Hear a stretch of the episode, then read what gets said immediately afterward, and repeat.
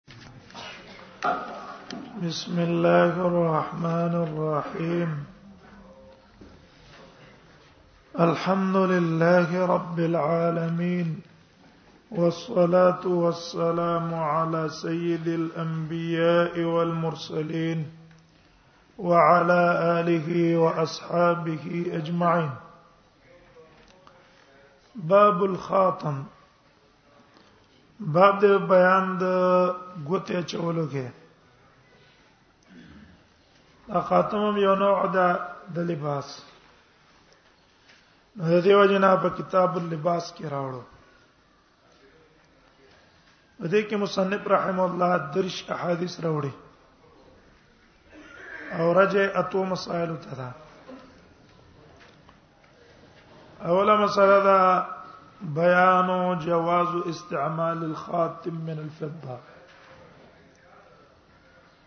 د سپینو زرو غوته استعمالول د سړي د پاره جایز دي سرو زرو ناروا ده سپین زرو استعمالول جایز دي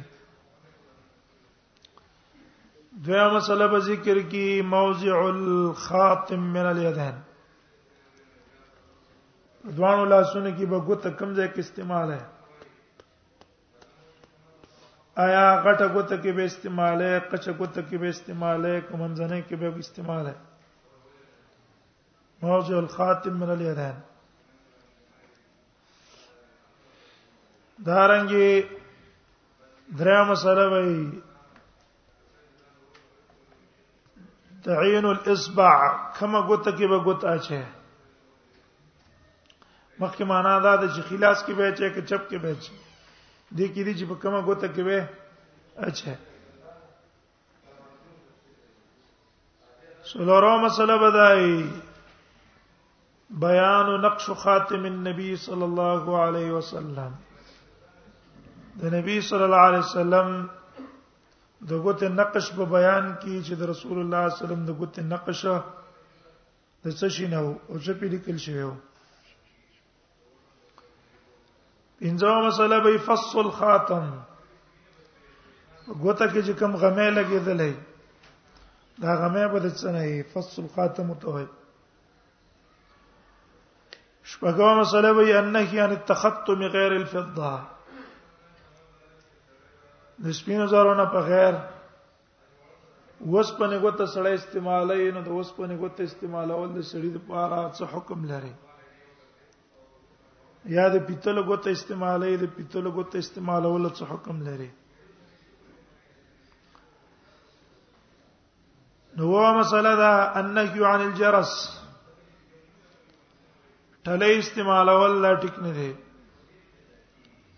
چې زړه سارو ته یا حیوانات ته ټلې او جراس ورواچي هغه د شیطان عمل دی اته مسله د استعمال الذهب وقت العذر کله عذري د عذر په وخت کې سړی سره استعمال ولې شي پوزه غوڅ شوی ده سپینزر توريږي ته دا هغه په ځای د سرو زرو غوت پوزا کې ده غاخ د سرو زرو کې دی یا قاش له سرو زرو ور کې جایز دی دا مسائل به دې کې ذکر کړي نو باب الخاتم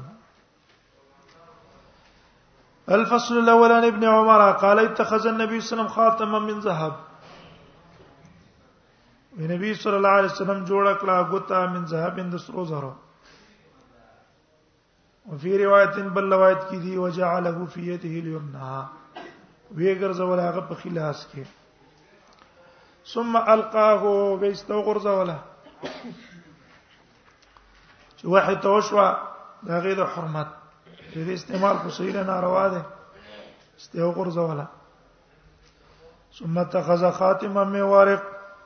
به ونی ولا خاتما غت من ورق اند چاندې چاندې نه غت جوړه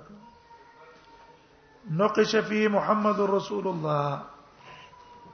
چې پاکه دا نقش محمد رسول الله محمد لاندیو یور پسې د پاسه رسولو به په پاس د پاس الله لیکلو محمد ستر ورسول ستر والله ستر دغه معنا ده وقال نبی صلی الله علیه وسلم فرمایلی دی لا ينقشن احد على نقش خاتم نقش باندې جوړي یو تن نقش د ګوتې زما هاذا چې دا ده اې د ګوتې پرنګ څه باندې کې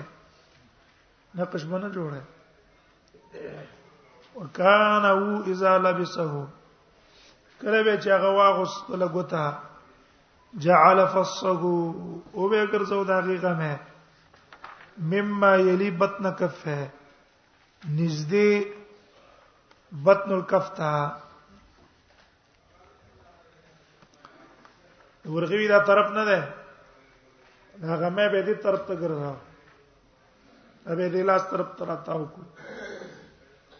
متفقون علی وعن علي قال نا رسول الله صلى الله عليه وسلم لبس القصي اينه روایت ته رسول الله صلی الله علیه وسلم منه کړی دا غسترو د قصي کپړو نه قصي دا کپړې وي ورې خم نه بجوړې ده هغه نه منع کړي والمعصفر منع کړي د عصفورنا هغه جامه چې سرې د زعفراني وان تختم الذهب یوم نه کړی د ګوتو چول د سرو زرونه سرو زرو ګوتو بسړې نه چي وان قرات القران فی الرکوع من کړی د لسلو د قران نه پر رکوع کې رکوع کې یا په سجده کې وسنه کې قران بنولې اوس په دې حکمت باندې الله او رسول خو پوي کنو رکوع سجده کې ولې لستل پکار بعضی چې نه مفوض الله او رسول ته او بعضی کسان یې وجه وایي چې قران دا د الله اوچت کتاب دی دا د قیام صلاحیت دی او رکوع سجده کې غایت التذلل ده دیو جن التسویل پکار دي تسبیحات ویل پکار دي ورا د ابن عباس ان رسول الله صلی الله علیه وسلم خاتم من ذهب عبد الله ابن عباس روایت رسول الله صلی الله علیه وسلم دغه ته سرو زرو پیر دی رجوین پلاس ته سړی کې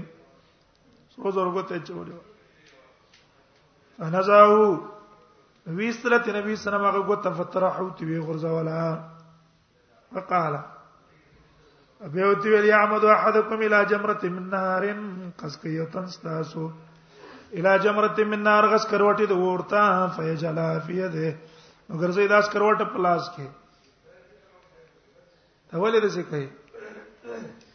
سرو زر غوتا چول دي چې لکه لاس کس کروټه چول فقیل الرجل هغه سړی ته ویل شو بعد ما ذا رسول الله صلی الله علیه وسلم پر ځای نه رسول الله صلی الله علیه وسلم خذ خاتمک غوته یې سره والا انتفع به فائدہ په واخلا فائدہ کې به راوړل قال الله والله لا خذوا بدا دا سند قسم په الله سبحانه اخل مبدن اس کلام وقد طرح رسول الله صلی الله علیه وسلم دی غرزولی ما نبی صلی الله علیه وسلم غرزولی سره عالم انشي کېدل سته پرې خوسته واسن نبی صلی الله علیه وسلم را ده یكتب الى کسرا نبی صلی الله علیه وسلم کا چې خط لريږي کسرا ته او قیصر ته او جاشی ته فقیلا نبی صلی الله علیه وسلم ته ویل شو انهم لا یقولون کتابا دین قبل خط الا بخاتم مگر چې ټاپ په لګی دي وساره جوړه ک نبی صلی الله علیه وسلم خاتمن ګوتا حلقه فزه چې دا حلقه د سترو زرو د سپینو زرو نقش فی او پاکه نقش لګیدل او محمد رسول الله پر روایت بخاری کې کان نقش الخاتم الثلاث تستور وغه نقش د خاتم د نبی سم درې کرخه وي محمد ستر محمد لاندې یو کرخه وا ورپسې به رسول الله ستر به لپس د الله پسې بل ستر وانه نبی الله صلی الله علیه وسلم کان خاتمه وې د نبی صلی الله علیه وسلم ګوته چې وا د سپینو زرو نه وکانه فصه منه او غمیم د سپینو زرو کم چې نقش پکې کنه غم د سپینو زرو دی بل روایت کې نه رسول الله صلی الله علیه وسلم لبي سخات مفزها نبی سم واچول ګوته د سپینو زرو په یمینی دغه لاس کې فی فصل حبشی چې پاغي کې غمه او حبشی حبش نه راغله ور پاس کې دي چې د نبی صلی الله علیه وسلم د ګوتې غمه د سپینو زرو دي کې دي چې څه شو حبشی تطبیق ده ده نبی سم دوه دوه دوه ګوتې یو ګوته نقش هم د چاند دی او بلکې ګوته کې نقش لګیدل او فص لګیدل او حبشي کان اجل فصو بما یلی کفا نو ګرځاو به هغه کم ہے مما یلی کفا دا هغه طرف ته چې د ورغوي ته نږدې ایته به ګرځاو متفق علیه وانه قال كان خاتم النبي صلى الله عليه وسلم في هذه وې د نبی صلی الله علیه وسلم کوته چې و پیازه په دې کې بوا واشار الخنصر میه دی لسرا اشاره وکړه خنصر یې دی لسرا ته ګوره نبی صلی الله علیه وسلم کله خلاص کې چولې کله چپ لاس کې چولې دې حکم یې د ګنټیم شو کنه خلاص کې چې چې خلاص کې چې رواه مسلم وعن علي د حضرت جان روایت ته قال له نه رسول الله صلی الله علیه وسلم انا تختم فی بیاضه وزنبی صلی الله علیه وسلم کړم دې نه زدی ګوت واچوم فی اسبعی هذه په ګوت اسبعیه دې دوه ګوتو کې هذه او هذه دا او دا فهم الى الاستا والتي تليها یمن ځنه ته اشاره وکړه والتي تليها اجدې ته نږدې ده تلی کما ده دام ده تلی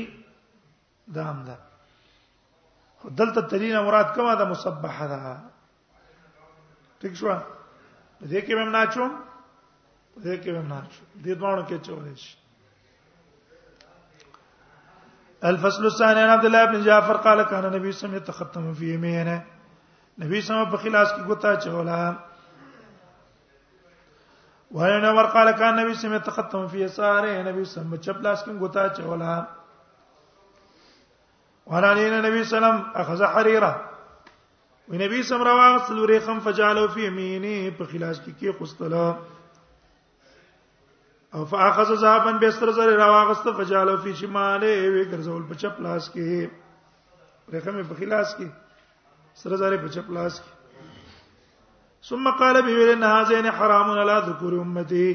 دا ځوان چې دي حرام دي پر نارینه او د امت زمام ما د امت نارینه او څه دي حرام دي باندې استعمال دي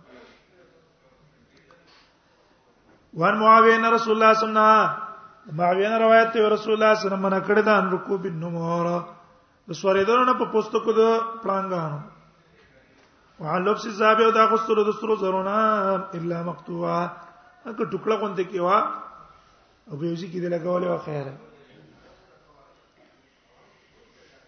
راو ابو داود والنسائي الا مقطعه مگر مقطع دښوا وړې وړې ټوټي اسلحه باندې چې ولي په ګوته کې دی یوسته لګي ولي یا د په جامو کې تڼې په ځای باندې لګي ولي وعن بريده ان النبي صلى الله عليه وسلم قال لرجل عليه خاتم من شبن نبی صلی الله علیه وسلم سړی ته ویل چې پای باندې ګوتوا من شبن د پیتلو پیتلو ګوتې چوله او ته ویل مالی سوجز ما د پارا چې دوی من کری حلسنا هم چې زمند کوم ستانه بوی د بوتانو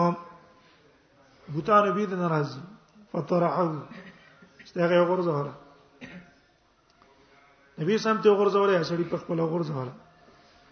ثم جاء براغه والے خاتم من حديد النبي په دبانه ګوته ود وسپنه وسپنه ګوته چوله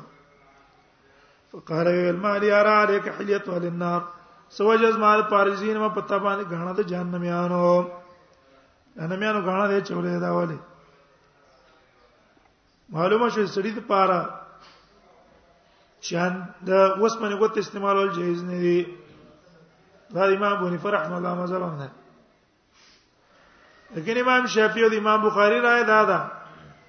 چې استعمال ولا جائز ده هغه استدلال نه ولا په حدیث دغه سهل التم ویلو کنه التمس ولو خاتم من حديد لیکن التم ویلو الته التمس خدا نه چې استعمال کا خو په اعتبار د مالیت ته سونا غوتر تاسو را خو استعمال ته نه روا دي نورمال خو دې کنه قصیدام غم دې فطرحوا يغرزوا فقال يا رسول الله من ايش نتخذه ندوي رضي الله نبي دغه ته څنګه جوړه کم قال نبی صلی الله علیه وسلم من ورق اند چاندې نه جوړه کا ولا تتمو مسقالا امي پورا کو مسقال مسقال به پورا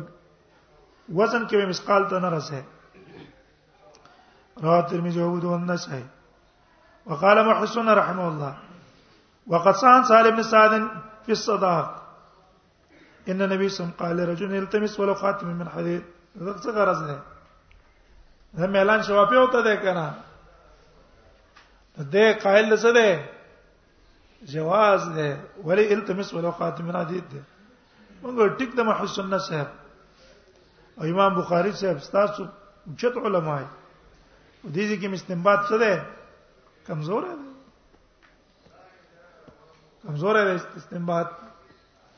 ورن مسعود قال کان نبی صلی الله علیه وسلم د عبد الله مسعود روایت ته وی نبی صلی الله علیه وسلم یک رواج تر خلال لشي نبی بد غنل سفرین الخلو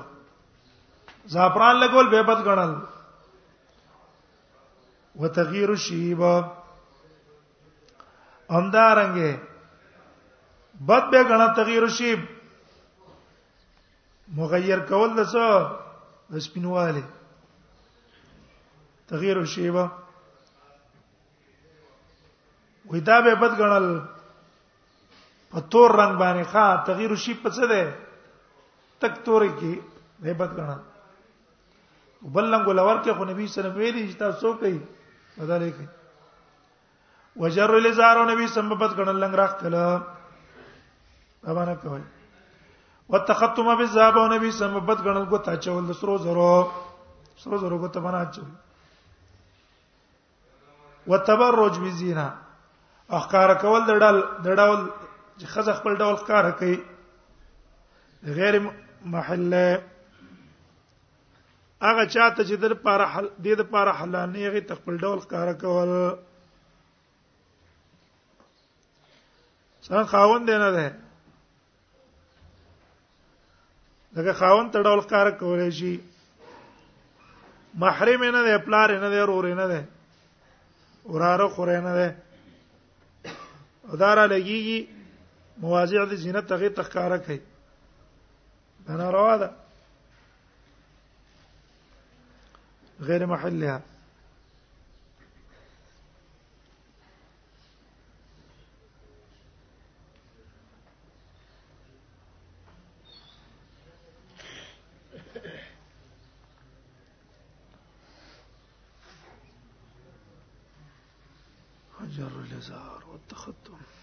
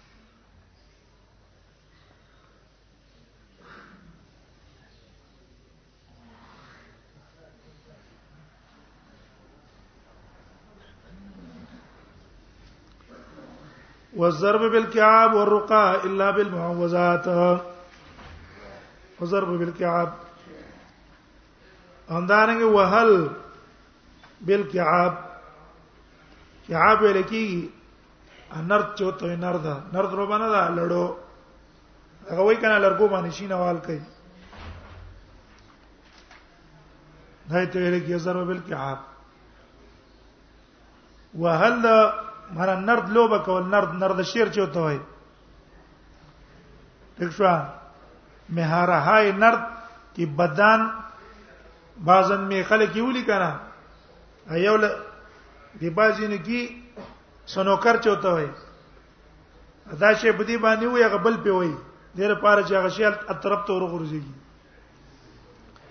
ورقا یا باز وخت هغه دغه باندې کوي کرا ګټ کې دي چې ولې یو بل په بندي یو اشتل په کوي ورقا الا بالمعوذات همدارنګه دمونه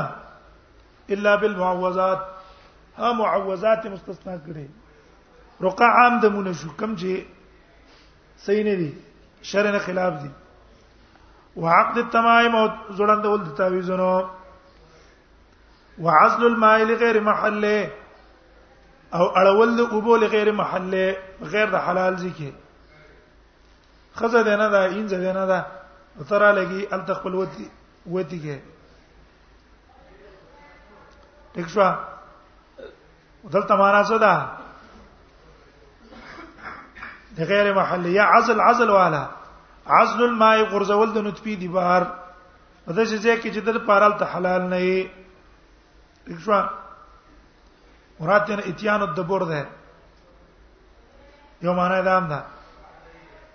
الته ترا لګيږي وتی کې یاد هغه چا سو وتی کې جایز ته لپاره جایز نه یا ته د حرې سو عزل کې او هغه پر رضا نه ده وفساد السبي غیر محرمه او خرابول د ماشوم غیر محرمه نو حرامون کې د کار د نبی صلی الله علیه وسلم فساد السبي معنا مخکې من کړو ماشوم لمورته ورکه یو تاکي سجما وکي هغه جما غیله چې وتوي کنه نو دا نبی صلی الله علیه وسلم خنه غنله خو حرام وته نه دی ویلي حرام وته نه دی ویلي وعن ابن الزبير ان مولات اللهم ذهبت بابنه الزبير ابن زبیر نه روایت ته وي ان مولا تعالی زمنګوین زوا ذهبت ابن الزبیر د د زبیر ولوري وو یو عمر ابن خطاب ته وړوا ویرج له اجراس هغه په خپل کې ګنګړیو فقطع عمر عمر تپریک لغه وقال وی سمعت رسول الله صلی الله علیه وسلم یقول ما د نبی صلی الله علیه وسلم فرمایل به ما کل جرس شیطان د هر ټلیسه شیطان دی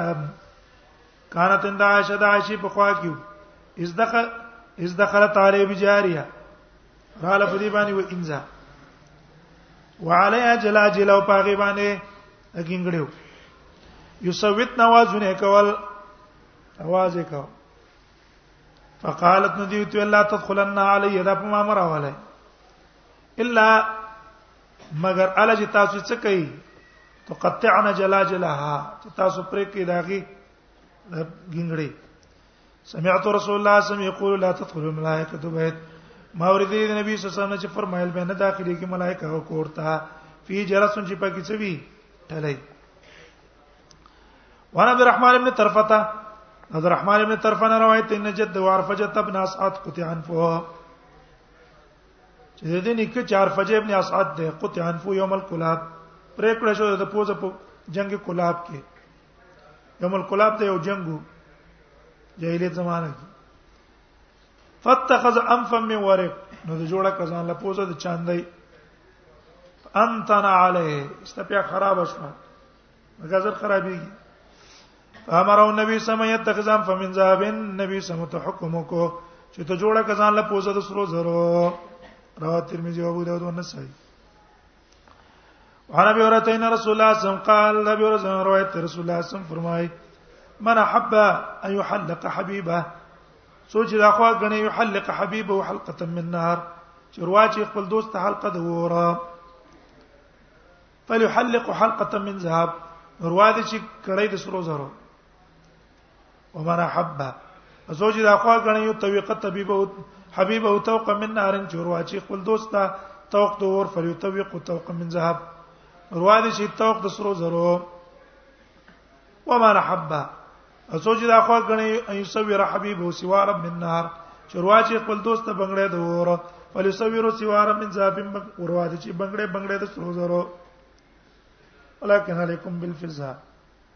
لازم ده پتا سبحان استعمال د فزا او فلابو بیا لوبي په کوي ډېر استعمال وي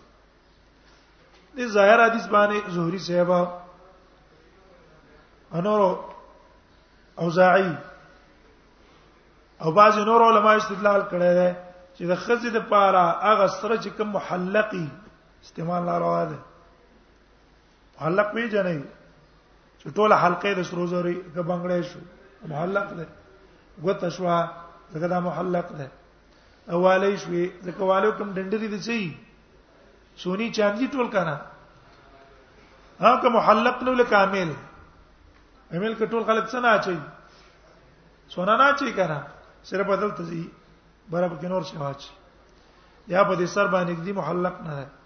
هغه استعمال جائز محلق نه را په دې د سن استدلال کړي نور روایتونه باندې دا راي د زکریا صاحب هم دا د الباني صاحب هم دا لیکن د جمهور علما مذهب دا ده چې نه مخکې روایتونو کې تیر شو چې دا حرام دي زمنګ په نارینه باندې سره نو په نارینه حرام دي زنانو لپاره حلال دي دوی ته پراله او چې دا غي لپاره حلال شو ټول قسم استعمال جایز شو او دې دي سنت جواب کړه دا دا په صورت ته چې زکات ته نه ورکړي یا دا سبب دی د کبر د پاره دغه د اثر سړي کې څه پیدا کوي کبر او غرور پیدا کوي کتابه جهنم ته بدی وجبوت څه کنه دا یې مکه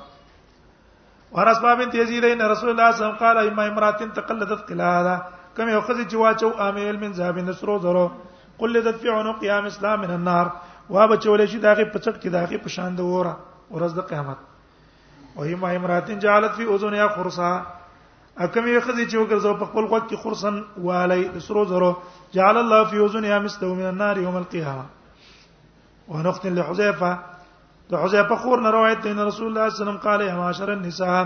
وی نبی صلی الله علیه وسلم فرمایل ای جماعت د زنانو مالکن فی الفزه نشتر استاد لپاره پچان سپین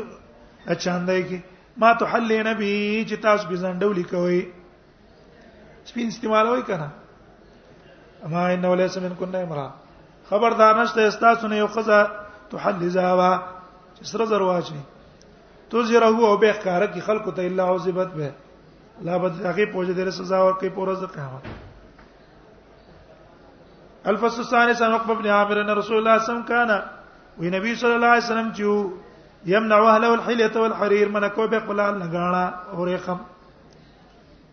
تنعم بنا ورکولا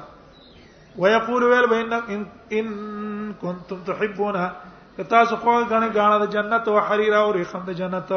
فلا تلبسوا في الدنيا په دنیا کې ما چول وانا باسن رسول الله صلی الله علیه وسلم اتخذ خاتم عبد الله ابن عباس روایت نبی صلی الله علیه وسلم جوړه کړه غوتا ولا بسوي غسلا بیول شغلنی هاذا کوم دې خو زه تاسو مشغول کړی ما سحر را د سرو زرګو ته جوړ کړی ما ایوانن ټول ورځ دې ته ګورم زه الیه نظرتم الیکم نظرا کله دې ګوت ته ګورم کله تاسو ته ګورم به استیو غرزولا وان مالک قال انا کرم یلبس الغلمان امام مالک نو روایت ته زبد غنم چې واچول شي لکه هانو ته شی امن الذهب څه شی د سرو زرونه سره ضربه وته نه راځي وجد علی انه بلغنی ان رسول الله صلی الله علیه وسلم ما تر رسیدلی چې رسول الله صلی الله علیه وسلم منع کړی دا ان تختم بالذهب د ګوتی اچول د سترو زرونه ان اکره للرجال زبط غنم للرجال الكبير منهم والصغير سړو د پاره غټي او کور کوټه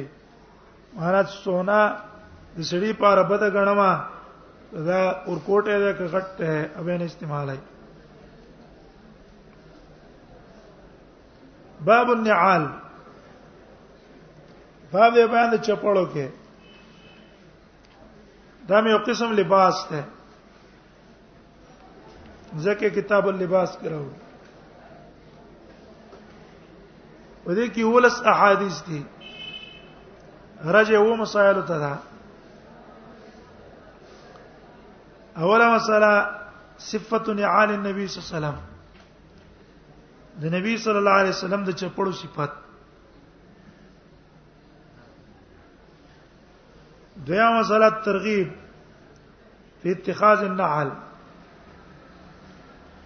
ترغیب په ور کې چې الکه چپړې ځان له ساتل پکار دي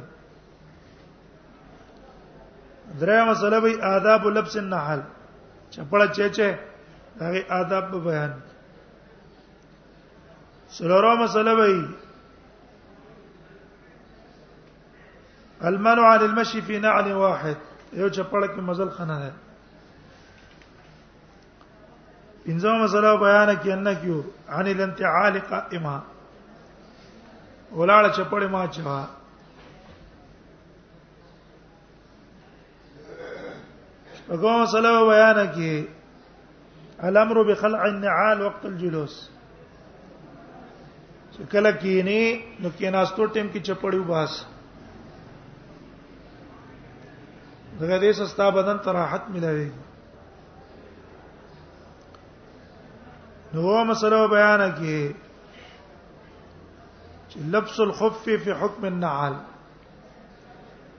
دا خوب د سیاست حیثیت لري لکه چپړه جرابه ده چولې وا موزه ده چولې وا دا د شته لکه تا څه چولې چپړه چولې الفصل الاول عن ابن عمر قال رايت رسول الله صلى الله عليه وسلم يلبس على التي ليس فيها شعر عمر ده نبی سم چا چولې بیا چپړې چې پاکه به اختنو ختبته تیلیو انا چې څرمن نه به جوړ کړي و چې ختبه تلری کړي وراسن قال ان على النبي صلى الله عليه وسلم كان لا قبالان د نبی صلی الله علیه وسلم د چپړې دوه تسمیه وي قبال څه ته وایي هغه ته چې پکې ور کوي کنه دوه دوه ځای وایي یو دلته وایي یو دیږي کې وایي عن جابر قال سمعت النبي صلى الله عليه وسلم في غزوه غزا بما ورد لي النبي صلى الله عليه وسلم په یو غزا کې چې تلو هغه لره یقول چې نبی صلی الله علیه وسلم فرمایل استكثروا من النعال چپړې ځان لړې رساتای فان الرجل لا يزال راكبا ځکه سړی همیشه سوري صاحب کې منتاله چپړې چولې چپړې د چولې دي چې لکه سورلې روانه په تجربو کې دي نه بار به چپړو زره په به څنګه کې دي سمینه شي کې خوسته کنه خوګيږي ګرمه کې تل نه شي خاو کې تل نه شي چپړې دی واچولې به خبر وانه انت علی رات ورا به ورا قال قال رسول الله صلی الله علیه وسلم فرمایي ځن تعالی عدکم کړي چپړا چې یو تن تاسو نه فلیبدا نشرو دیو کی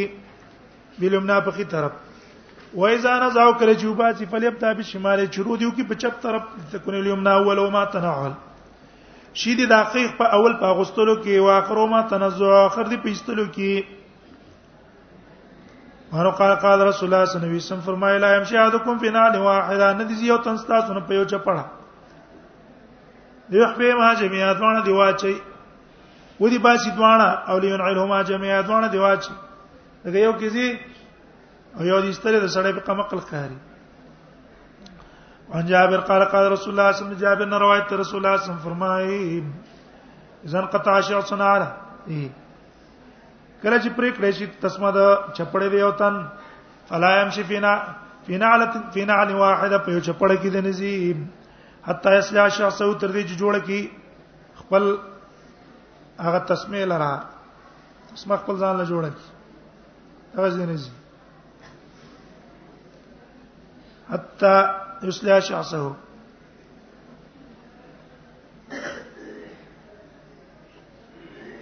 والفصل الثاني عن ابن عباس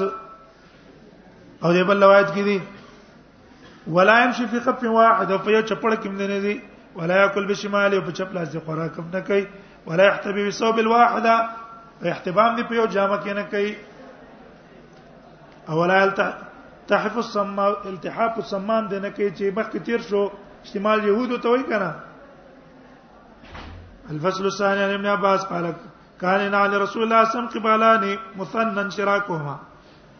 د نبی اسلام د چپړې د پاره د تسمیه وي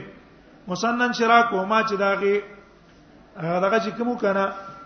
پټه غم دوه قبالام څه ته وای هغه پوج ګوتې چې پکې ورکې کنه او تسمع غپاس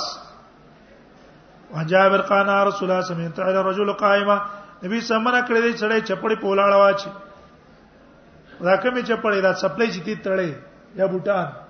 مزیا چې ولې کې خطر د غورځېدو کنه یا د ازمن ستاسو چ پړې دي دې ته کې ناستو ته ضرورت نشته د په درېدو باندې خا چول کی وعن القاسم بن محمد عن عائشة قالت ربما مشى النبي صلى الله عليه وسلم في نعل واحدة والنبي صلى الله عليه وسلم یو شپه کوم تله ده کله کله په یو چپړه کوم تله بل وای کینه د عائشة تله ده بنعل واحدة دی وای دا اصح ده ځکه چې عائشه په کې ترې نه پته وته نه غنی او چپنه نبی سم څه کړی دا منع کړی دا وهنا باس قال من السنه اذا جلس الرجل سنت طریقه دا سړی کینی ان يخلعن علی شو بازی چپړې فیضا ما بجنب بیا رخت کیږي پار د دمیو طرف ته دیر پار کې خپل پکار دي چې نظر لاندې وان ابن بریده نبی ان نجاشی ادا اله نبی صلی الله علیه وسلم خفین حسودین هدیه کړه نجاشی هدیه کړه نبی صلی الله علیه وسلم ته دوه موزه توره ساز جن ساده